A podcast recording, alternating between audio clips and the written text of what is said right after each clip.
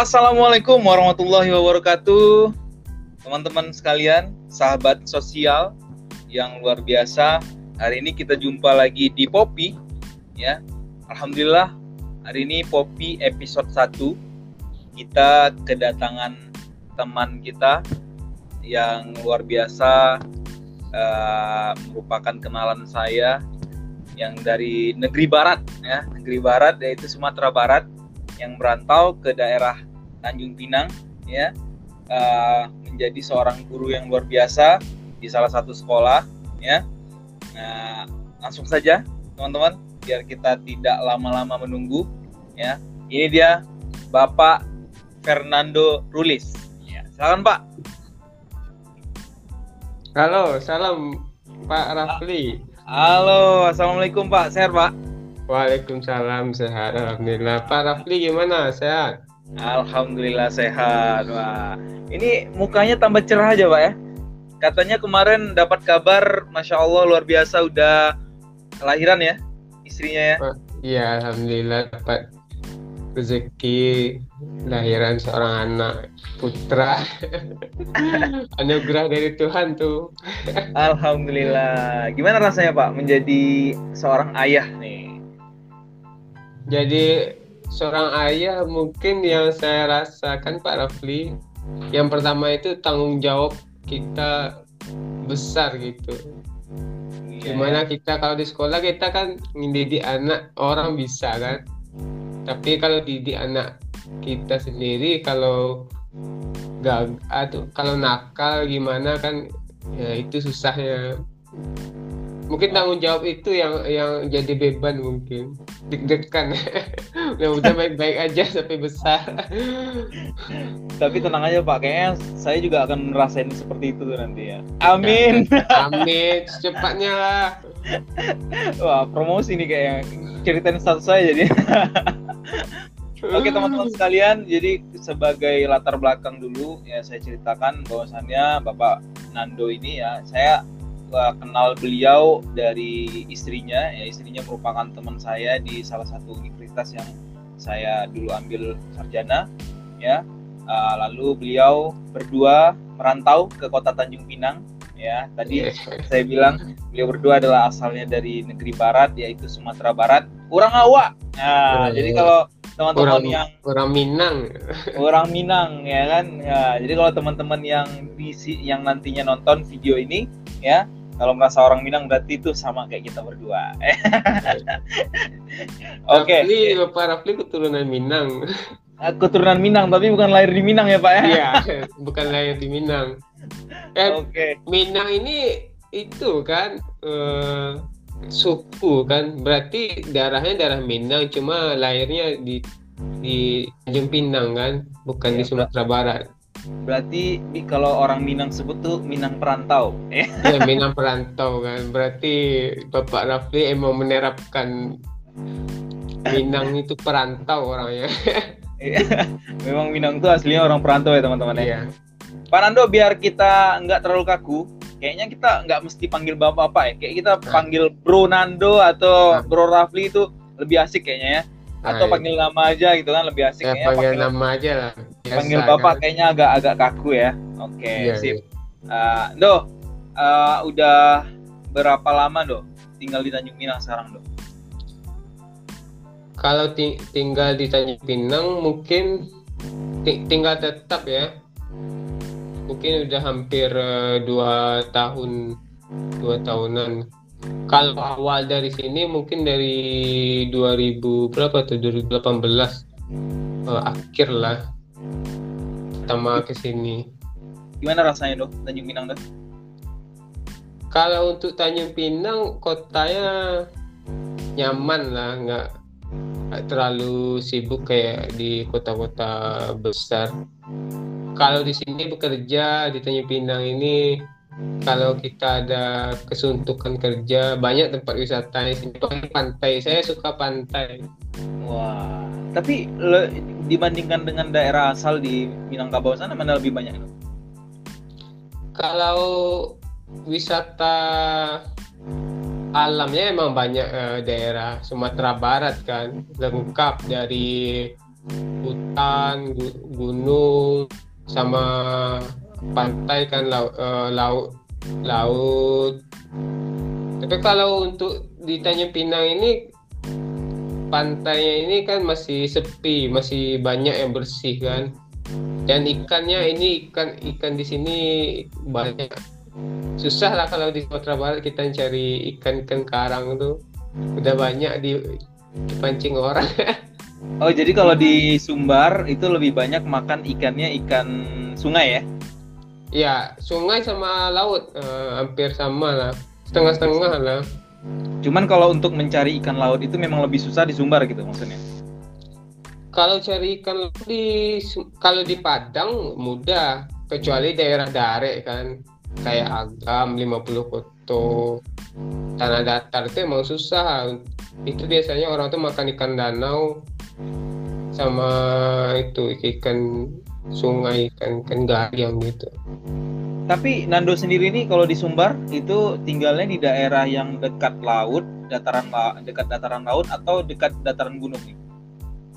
Saya tinggalnya di Padang kan, Padang ini kan eh, laut, Oh, Berarti Padang Padang Padang Kota ya, Ndo ya? ya Padang Kota.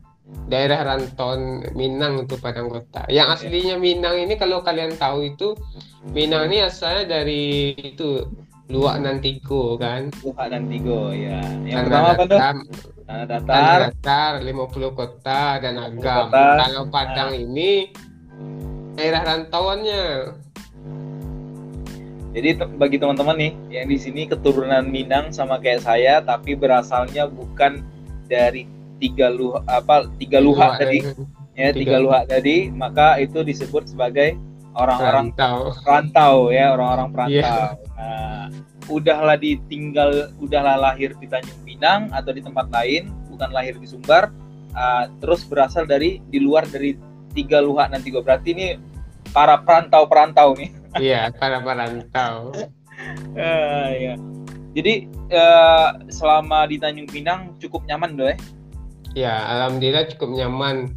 Paling kendalanya balik kampung aja yang susah.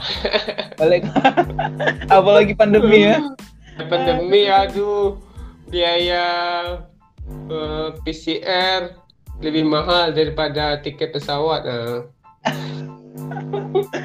Belum lagi baru lahiran doh ya, baru punya Iya. anak, masya Allah. kalau punya anak susah lagi kan Iya. banyak Tapi penyakit kan di luar susah Iya. bawa anak. kita jaga-jaga anak kita doh ya. Iya, harus harus ekstra kita itunya eh, protokol kesehatannya kalau soal anak kecil. Keluar eh, kalau lama di luar nah, kita harus mandi itu biar bersih dari kuman. Iya, kasihan anak kita doh ya. Nanti kalau Iya. kita gendong-gendong ya kan. Nah, Iya. Itu yang lebih. Jadi kita jaga-jaga. Jadi selama di Tanjung Pinang doh, kalau kesan eh, apa namanya kesan yang paling Nando sampai sekarang tidak bisa lupakan dari Tanjung Pinang itu seperti apa? Kalau kesan eh, yang pertama ya eh, pertama kan kita lihat itu kan eh, alamnya dulu kesan pertama tuh kita lihat ah, di sini banyak laut pulaunya mungkin kalau untuk Indonesia kan banyak pulau ya di Kepri inilah yang Indonesia betul Kenapa tuh Indonesia betul? Kenapa Kepri Iya, bisa kan- sebut sebagai Indonesia betul? Iya karena banyak pulau Oh, karena banyak pulau ya. Iya, karena banyak pulau. Nah, inilah Indonesia. Kalau kita di daratan tuh nggak terasa cuma gunung aja kita lihat kan. Tapi kalau di Kepri ini eh, di mana laut kan eh, kita lihat banyak pulau di sekelilingi pulau. Itu Jadi jadi kesan ibaratnya awal visual ya. Jadi ibaratnya ini nih semacam Nusantara kecil lah ya dari Nusantara Indonesia. kecil. Oke. Kalau untuk masyarakat yang pertama itu sini banyak itu orang perantau Orang perantau ya. ya dari macam-macam orangnya di sini macam-macam. Oh karena mungkin Ya. eh, kita tinggal di kota ya, jadi kita udah berbaur sama perantau-perantau. Tapi kalau mungkin Iya. kita mau bagi teman-teman nih eh, untuk informasi saja, mungkin kalau kita mau lebih yang asli lagi orang Melayu yang asli mungkin ada di pulau-pulau ya. Dulu pas mau ke sini kan pengen cari orang Melayu. Di mana ya bahasa Melayu tuh yang kayak kayak bahasa Malaysia kan? Awal-awal nggak ketemu bahasa Indonesia semua. Jadi pertama kali nyangkanya bahasa Melayunya Iya. Kepri ini sama seperti bahasa Melayunya Upin Ipin pasti kan? Iya, kayak bahasa Malaysia lah logatnya. Pengen cari orang-orang yang kayak gitu kan susah kiranya. Padahal kita udah di dataran Melayu kan. Oh. Tapi la- lama-lama baru semakin banyak teman kan. Baru nampak lah orang-orang yang berbahasa Melayu. Kita harus jaga itu. Bahasa itu identitas tuh kebudayaan kita. Kalau hilang, hilang identitas kita. Nah ini menarik nih Do dari yang Nando bilang nih. Eh, kalau kita, kalau pengalaman saya selama saya berada di Sumbar kemarin, ya itu me- menjadi bahasa ibu kita itu adalah bahasa Minang, ya Do ya. Iya. Tapi kalau kita di Kepri ini kita banyak melihat bahasa kita itu bahasa Indonesia yang logatnya kadang-kadang itu logatnya mengarah ke uh, orang Batak. Saya sempat itu uh, uh, apa ngobrol sama beberapa orang yang ada di Minang ya waktu saya pertama kali merantau di Minang. Lalu be- uh, apa beberapa teman saya itu melihat logat saya ketika saya berbahasa Indonesia. Nah, ternyata uh, teman-teman itu menganggap saya itu awalnya adalah orang uh, Batak. Nah, Hmm. jadi eh, rata-rata orang-orang orang-orang Kepri yang tidak bisa berbahasa ibu lalu menggunakan bahasa Indonesianya logat yang dia gunakan di Kepri ketika dia merantau, maka dia dianggap sebagai orang Batak. Nah, padahal kita it- itulah sayangnya, padahal kita itu punya bahasa ibu yaitu bahasa ibu kita di Kepri ini adalah bahasa Melayu. Nah, tapi kebanyakan pemuda-pemuda Kepri ini terutama di Tanjung Pinang ya, di Tanjung Pinang itu malu rasanya kalau menggunakan bahasa Melayu ya. Banyak kali kita kayak kayak misalkan Nan- kalau Nando lihat eh, dari logatnya Rafli ini sekarang eh, kayaknya bukan orang Melayu gitu ya, kayak Iya. bukan orang yang lama tinggal di Melayu. Walaupun saya keturunan Iya. Minang harusnya saya berbahasa logatnya logat Melayu. Tapi seakan-akan Iya. tidak menggunakan accent eh, ak- accent E ya kan? Atau seperti apa? Seperti misalkan nah apa? Nah ini segala macam. Iya, Ya kan? itu Seperti itu ya. Nah, jadi eh, sebagai informasi teman-teman yang nonton ini nantinya eh, apa namanya? Ya seperti itulah kondisi di Kepri. Nah itu berarti kalau ini yang kalau secara pelajaran atau secara analisanya berarti memang identitas Kepri ini sudah mulai tergerus gitu ya. Karena entah karena kata orang karena dekat dengan negeri seberang atau gimana ya kita nggak tahu ya. Tapi itu maunya kita kalau menurut Rafli nih ya kalau menurut Rafli harusnya kita tuh menjadikan bahasa ibu kita tuh memang menjadi identitas gitu. Jangan malu ya seperti orang Hmm. Minang itu setiap daerah bahasanya berbeda-beda loh teman-teman betul kan Do, ya tapi bahasa kesatuannya tetap bahasa itu bahasa Minang. Iya berbeda-beda, cuma ada bahasa Minang tuh yang mempersatukan dia. Iya, maksudnya berbeda-beda ini teman-teman, eh, aksennya itu berbeda-beda ya. Iya. Nah, bahkan dalam satu bahas, it- bahkan yang luar biasa itu kalau bahasa daerah itu, saya ingat sekali tuh bahasa Minang yang contohnya adalah lita ya. Jadi kalau Hmm. lita, lah kalau lita di salah satu daerah, kalau saya saya itu di daerah Batu Sangkar ya, Batu Sangkar dan sekitarnya situ, Iya. lita itu adalah lita lapar. Iya. Tetapi lapar. kalau kita pindah ke daerah yang mungkin pesisir ya, nggak salah saya, Iya.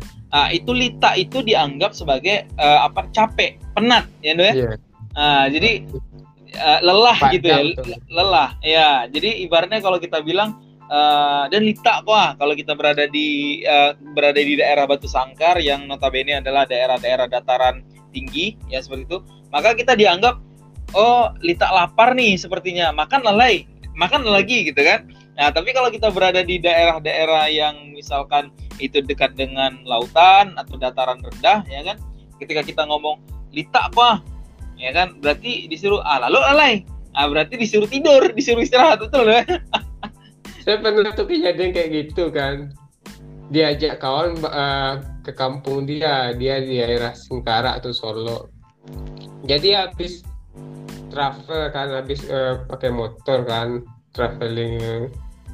Terus pergi ke rumah dia tuh, eh Lita wah aja. Itu disediain makanan, kue, eh baru orang tuanya tuh sadar ini Lita eh, capek atau Lita mak eh, lapar nih Lita capek bu Eh, Untung uh, dibawain itu lengkap-lengkap nasi sama itu kan sama lauk ya kan. Hampir dibawain tuh. Tapi luar biasanya itu ya kalau kita menggunakan bahasa sebenarnya uh, memang bahasa Indonesia ini kalau kita ra, uh, apa rangkup dari bahasa-bahasa daerah yang ada itu luar biasa ya. Terutama Melayu juga punya accent yang berbeda setiap daerah. Minang apalagi ya kan.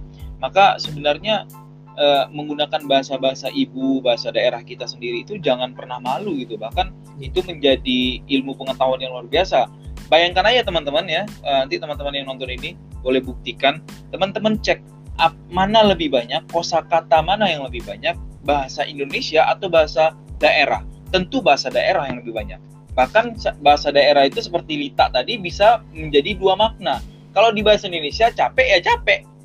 Ya kan? Capek lelah ya lelah gitu. Tidak ada dua makna walaupun kita menggunakan lelah yang aksennya misalkan lelah nih atau misalkan lelah nih atau di itu nada intonasinya berbeda ya itu rasanya tidak menimbulkan dua makna satu makna tapi kalau bahasa daerah seperti contohnya Lita tadi luar biasa kekayaannya Nah, itu mungkin yang yang uh, Rafli pernah dengar loh itu salah satu tanda-tanda bahwa bukan tanda-tanda maksudnya salah satu kategori negara yang maju itu adalah negara yang memiliki kosakata yang yang banyak.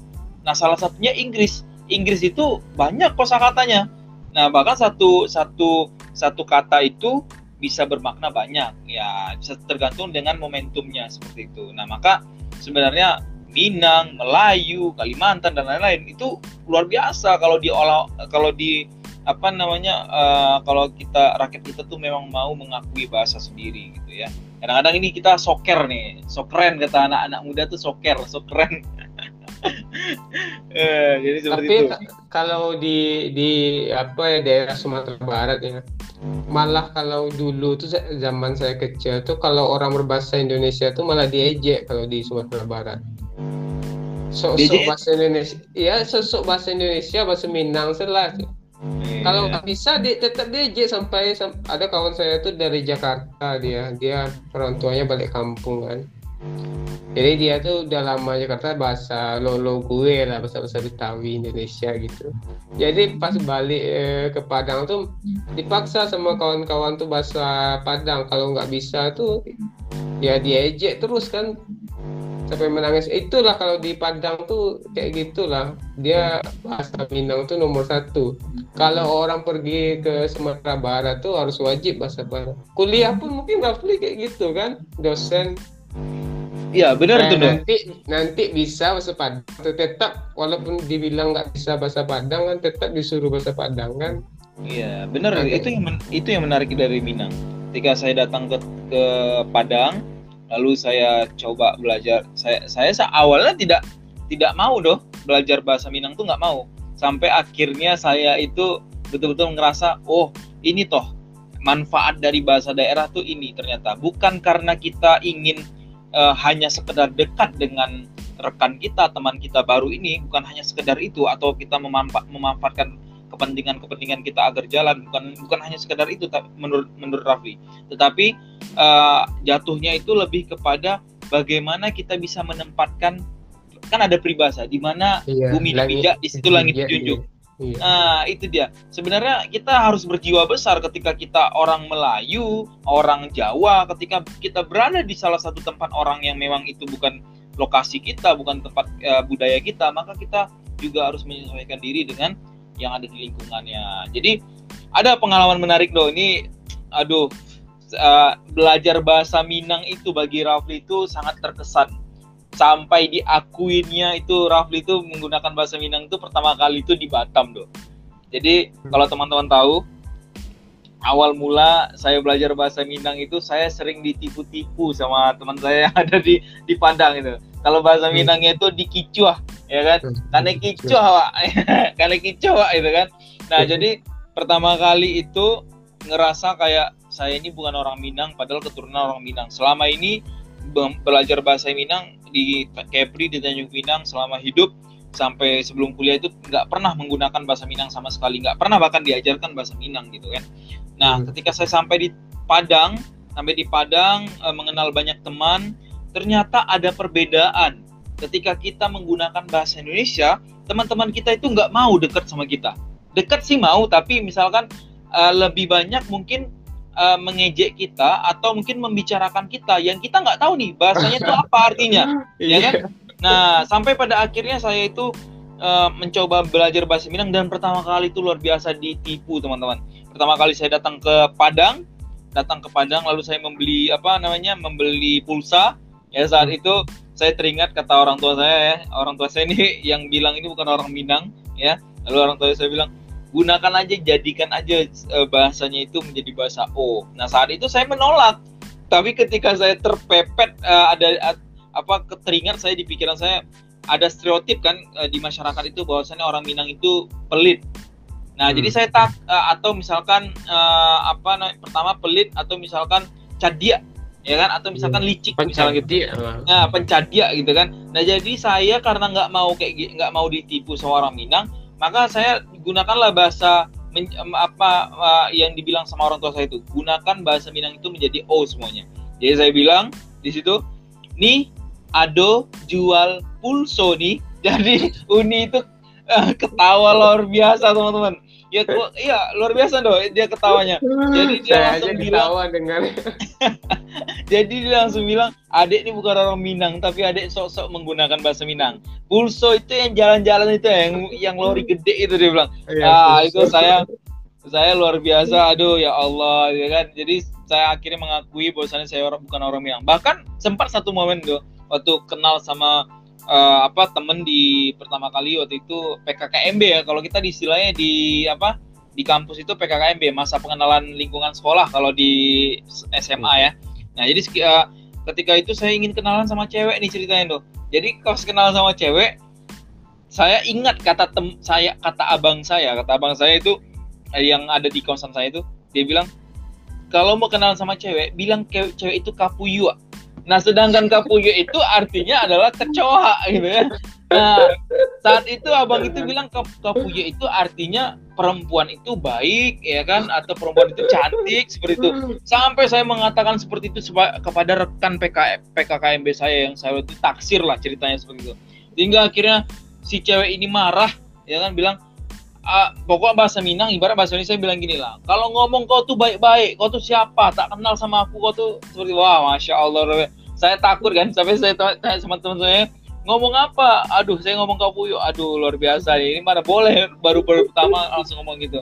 Jadi itu merupakan pengalaman saya luar biasa di Minang sehingga akhirnya saya pun sampai do di waktu ketika saya pulang ya kan pulang ke Padang eh pulang ke Batam lewat pulang ke Tanjung Pinang lewat di Batam ketika saya naik uh, apa namanya naik taksi ya ternyata di taksi itu yang yang nyupir itu supirnya adalah orang Minang juga. Lalu dia mencoba berbahasa Minang sama saya. Dan ketika saya turun ke pelabuhan dia bilang dia ta tadi bahasa Indonesia seperti ini dek tadi adik bilang adik uh, baru belajar bahasa Minang. Tapi bapak udah ngerasa bahwasannya adik ini memang asli Minang Ma, masya Allah itu menjadi yeah. menjadi apa namanya prestise menjadi iya, bahagia bahagia sekali hati saya no serius Aduh.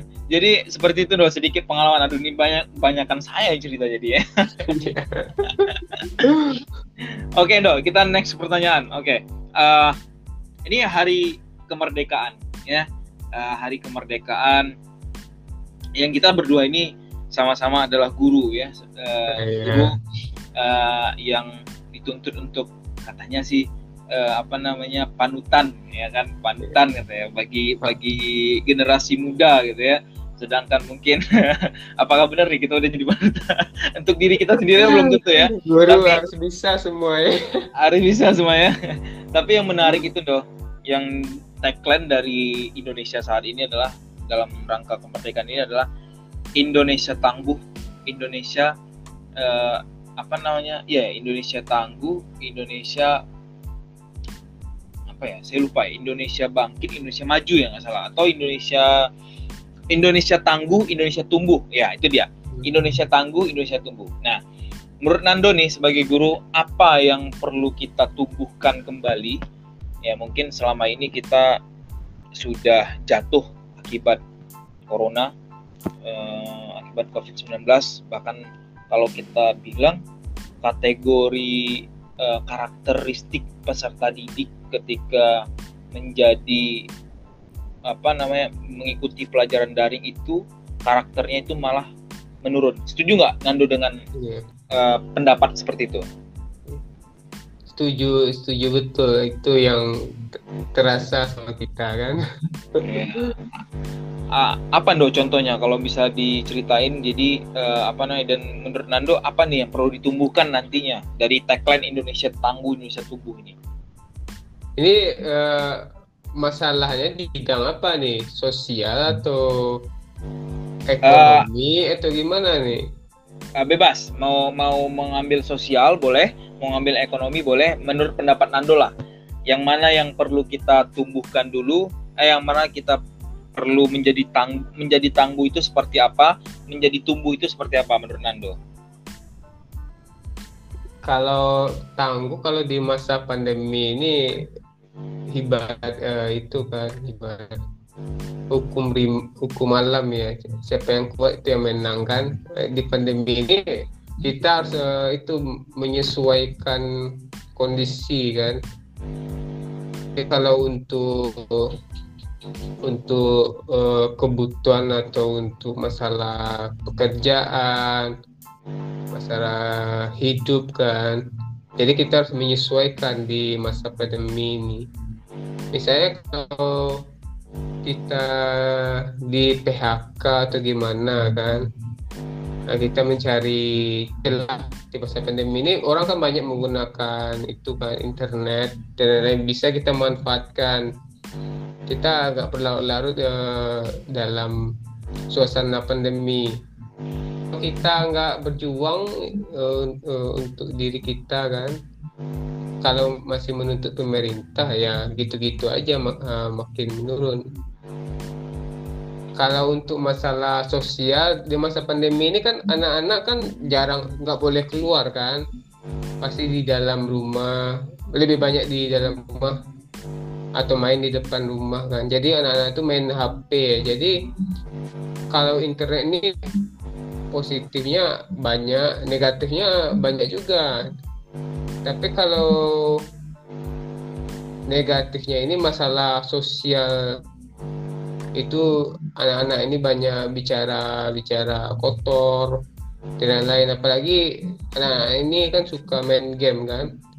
Rata-rata gamers itu streaming tuh bicara kotor semua. Jadi udah anak-anak ini udah kebiasaan jadi cuma berapa yang yang bersih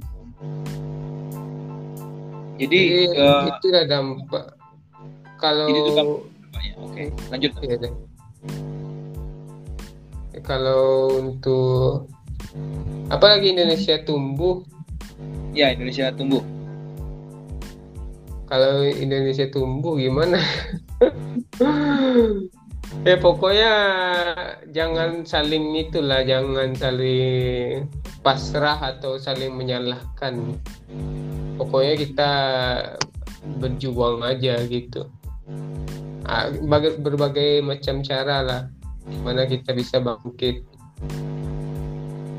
Ya jadi kalau uh, apa yang menariknya tadi Nando bilang itu adalah uh, Indonesia tangguh ya.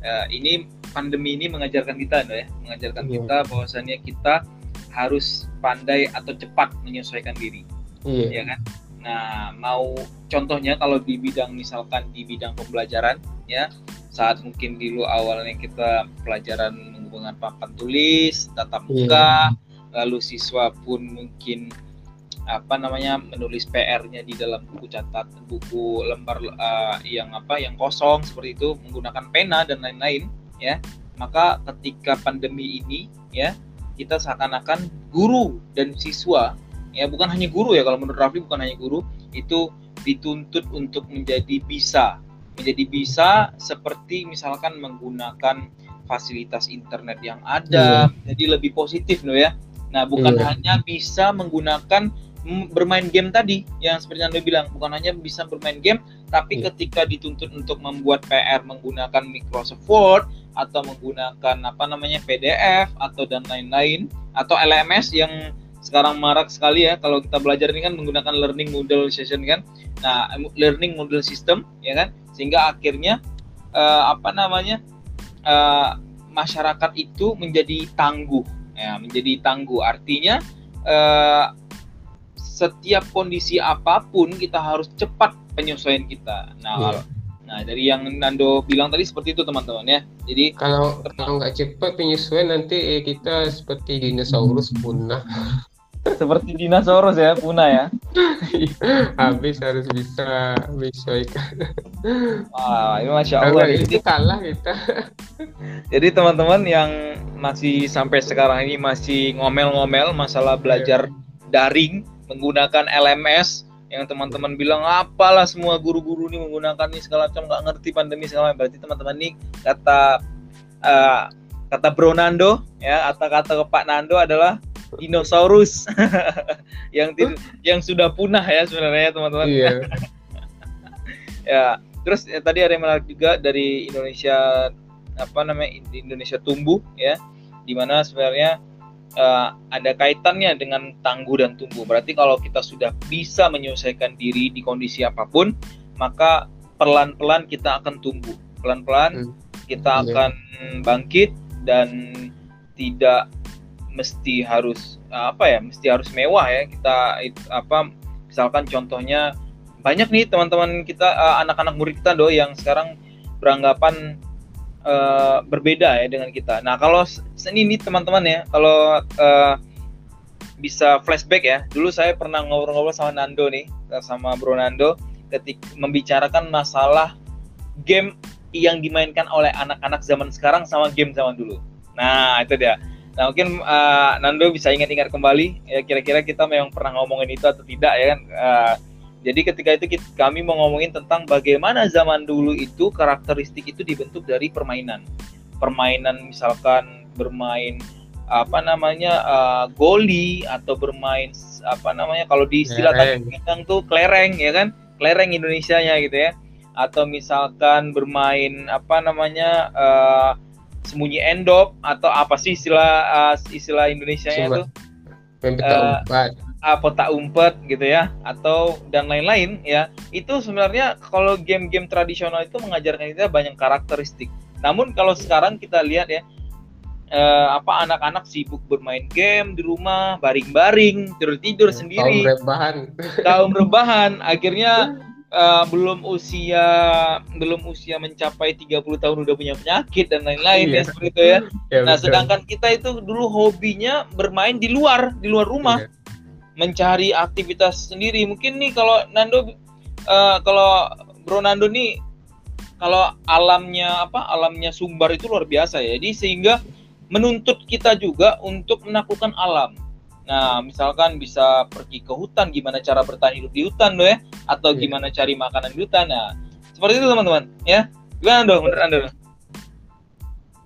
Kalau sekarang zaman sekarang sama dulu kalau masalah permainan kan kalau dulu kita dicari emak kan kalau di luar kan disuruh ke rumah balik lah balik pulang katanya ke sore kalau sekarang malah kita yang eh, anak-anak sekarang malah disuruh keluar kan? Kok di dalam kamar terus ya nggak keluar ya nggak lihat orang kembali kan? Kalau masalah permainan emang permainan tradisional tuh banyak yang uh, itunya ilmu yang didapatkan interaksi sama olahraga jadinya badan sehat ngobrol sosialnya tinggi kan kalau sekarang itu kan anak-anak ini kan kawannya kadang di sosial media aja kan. Jarang yang ketemu. Jadi malas. Jadi, jadi kaum rebahan. Itu gaya baru tuh kaum lembah jadi kalau zaman kita kita disu, disuruh dita, dicariin kapan pulang. Ya, kalau di zaman pulang. sekarang di, di, di, disuruh keluar ya kan iya. nah ini menarik nih uh, kapan pulang dan kalau sekarang uh, kapan keluar gitu ya kapan keluar kapan keluar Wah, luar biasa nih perbedaan yang sangat antara utara dan selatan ya iya Ah, jauh iya. kembali. Iya. Dan kalau zaman dulu itu kan permainannya fisik kebanyakan kan kita interaksi olahraga kan. Kadang eh, pakai musim-musim atau sekarang musim. Kalau ka- kami di Sumber pakai musim-musiman. Sekarang musim main petak umpat, musim main kelereng. Kadang mandi-mandi tuh mandi-mandi sungai kan. Kita diajak kawan kan mandi-mandi. Kalau nggak bisa berenang dipaksa terus berenang. Akhirnya bisa berenang kita. Eh, enaknya zaman dulu. Kalau sekarang ini berenang, anak-anak yang pandai berenang susah carinya. Kebanyakan orang itu kan eh, jasa les berenang kebanyakan orang tua sekarang ngajarin anak. Padahal kalau di kampung, eh, tapi kalau kita lihat loh, sebenarnya atlet-atlet renang yang hadir di Indonesia yang jauh-jauh itu juga berasal dari kampung. Mereka belajar belajar dari sungai. Dan kalau Iya. kita lihat pelajaran dari sungai dan pelajaran di kota itu luar biasa berbeda loh. Lebih keras yang di sungai lagi kan. Pak, Iya. pernah men- mendengar cerita dari beberapa teman kalau kita nggak pandai berenang itu kita dipertanyakan orang ap- a- kita nih orang kampung situ atau bukan gitu. Ya kan? Ibaratnya pertama kali itu kita disuruh sama bahkan orang tua kita suruh kita jebur tanpa kita tahu kita tuh pandai berenang atau enggak gitu. Sehingga akhirnya kita pun bisa gitu. Nah bahkan Iya. nih yang men- saya eh, apa itu salah satu yang menarik loh bagi bagi Rafli kan. Selama ini apa eh, sempat eh, Rafli ini tipikal ko- orang kota yang tidak pandai berenang. Padahal Hmm. kalau dilihat daerah tempat tinggalnya dari Iya. daerah laut. itu itu Iya yang saya sayangkan kalau orang nggak pandai berenang sayang betul. Nah betul betul. Jadi nggak salah tuh ada beberapa teman yang bilang, yuk kita berenang. Nggak pandai berenang lah. Lah bukannya tinggal di daerah laut, kok nggak pandai berenang? Ah, Iya. Itu jadi pertanyaan bagi teman. Iya, jadi pertanyaan. Nah itulah mungkin perbedaannya. Saya pun ada kawan kan pas pelatihan ke Padang kan. Jadi kawan ini dari Kepri Pak Kur namanya kan. Dia katanya baru pertama kali berenang di air yang dalam. Kalau biasanya dia tuh berenang kakinya tetap sampai di dasar. Jadi saya ajak kayak terjun di Lubuk Minturun nama daerah ya kan. Sarasa, Sarasa. Ya, bukan Pancu, eh, pancuran eh pancu tujuh kalau nggak salah Oh iya. namanya. Iya. Nah itu saya ajak ke sana kan baru sekali itu dia berenang eh, yang airnya dalam nggak sampai kakinya ke bawah kan. Dan saya tuh jadi heran bukannya Kepri ini laut semua. Kiranya orang-orang orang-orang sana orang-orang Kepri ini kalau ma- eh, mandi di laut tuh nggak boleh ke itu ke tengah-tengahnya. Saya pernah tuh mandi di kayak di resort gitu dilarang. Padahal tempat dilarang agak ke tengah padahal nggak terlalu dalam. Mungkin kayak suatu itu mungkin kecemasan tersendiri mungkin kebudayaan sini nggak tahu. Kalau kami bebas saja selagi ah, kalau kami itu kalau berenang tuh harus ad- harus ada yang lebih banyak yang pandai berenang baru baru pergi berenang Jadi ya luar biasa ya perbedaan yang kebudayaan dua kebudayaan yang berbeda gitu ya. Tapi semua itu mengajarkan kita eh, apa eh, apa namanya mem- membuat kita mengerti bahwasannya eh, di zaman kita dahulu itu karakter itu bukan dibentuk hanya dari sekolah, tapi Iya. juga dibentuk dari eh, masyarakat, teman-teman, permainan, ya kelompok-kelompok kita, geng-geng kita yang ada di masyarakat. Bahkan kalau saya ingat lagi, Do, itu luar biasa menariknya budaya Minang itu eh, apa ibaratnya kalau laki-laki itu ya tinggalnya hanya di rumah, tidak pernah ke surau, ya kan? Kalau ada tuh kan eh, zaman dulu tuh kita pernah dengar ada budaya ibaratnya pa- eh, apa ya ibaratnya tinggal di surau lah. Laki-laki Minang itu disuruh untuk tidur dan tinggal di surau. Per- ke rumah itu cuman makan. Di rumah itu cuman makan, ganti baju, mungkin mandi dan lain-lain, tapi tinggal eh, mem- mengolah ngo- mengolah diri ya eh, berka apa menjadi karakter yang lebih baik itu belajar di semua di surau. Eh, itu luar biasa ya. Itulah Iya. yang dia harus tinggal itu walaupun orangnya nggak nggak rajin sholat pun tetap tinggal di surau. Mau tak mau harus tinggal di surau orang dulu kan. Ya, bahkan ada istilah itu. yang beranda pun tetap tinggal di surau ya makanya saya ada istilah itu doh tidak salah kalau buku atau apa gitu ya. Uh, baliak ke surau. Nah itu istilahnya. Baliak ke surau. Ya itu itu menandakan ibaratnya kalau secara uh, tersur tersiratnya menandakan bahwasannya uh, sudah banyak uh, orang Minang pun sudah tergerus banyak apa namanya karakteristiknya gitu ya. Hmm. dari nilai-nilai yang sudah diajarkan oleh budaya. Nah, itu. Wah, luar biasa doh udah banyak tadi ngomongin tentang pribadi ya kan? Uh, tentang kerjaan tentang kota tempat tinggal tentang Indonesia merdeka bahkan sampai kebudayaan-kebudayaan kita bahas. Wah luar biasa. Ini menarik sekali berbicara dengan uh, bapak satu anak ini ya. Baru satu anak nih ntar lagi dua anak nih. Uh, uh, kita doakan kita doakan aja mudah-mudahan teman-teman ya, ya Bro Nando. banyak anak banyak rezeki ya. Masih berlaku itu ya. Jangan takut punya anak ya. Bahkan orang-orang modern saja tuh masih berpikir seperti itu. Jadi jangan jangan takut punya banyak anak ya. Do terakhir kali Do sebelum kita tutup uh, pembahasan kita hari ini uh, apa nih yang kira-kira Nando pengen sampaikan untuk teman-teman yang nonton ini? Terutama teman-teman yang mungkin uh, sekarang sedang mengenyam pendidikan baik itu di SD, SMP, SMA maupun itu kuliah ya kan? Ataupun yang sekarang sedang berusaha untuk membangun dirinya sendiri menjadi lebih baik. Nah kira-kira apa pesan dari Pak Nando ini ya kalau untuk anak-anak yang masih sekolah kan jangan terlalu banyak game main game. Anak-anak sekarang kan banyak main game kan. Di waktunya itu harus di, diatur. Di mana waktu belajar di mana waktu main game. Misalnya jam segini pagi itu diusahain belajar. Kalau malam-malam terserah lah soalnya sekolah itu kalian kan itu merasakan penyesalan nanti ketika udah tamat sekolah. Kalau kalian banyak main. Jadi kalian setelah tamat itu gimana rasanya nggak ada dapat ilmu? Ilmu ilmu yang didapat dari sekolah tuh nggak ada. Rasa kalian akan menyesal nanti kalau nggak belajar dari dari sekarang. Mumpung masih sekolah masih guru yang ngajar. Kalau guru ini kalau kita nggak pandai masih mau dia ngajar sampai kita pandai. Kalau udah kuliah nanti terus dosen itu terserah kalian mau pandai atau tidak. Dia yang jelas nyampai materi.